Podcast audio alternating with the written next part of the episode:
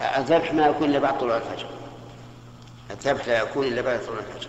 يعني ما ما يجزي يا شيخ ما يصير لا بأس ما بجزي إلا بعد طلوع الفجر أما الحلق فلا بأس والرمي كذلك لا بأس نقدم الحلق هو لا بأس يعني طيب بعد الفجر مباشرة يجي- يعني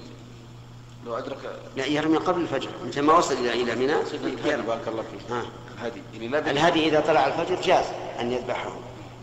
قبل لا ها وقبل ما يجوز قبل ما يجوز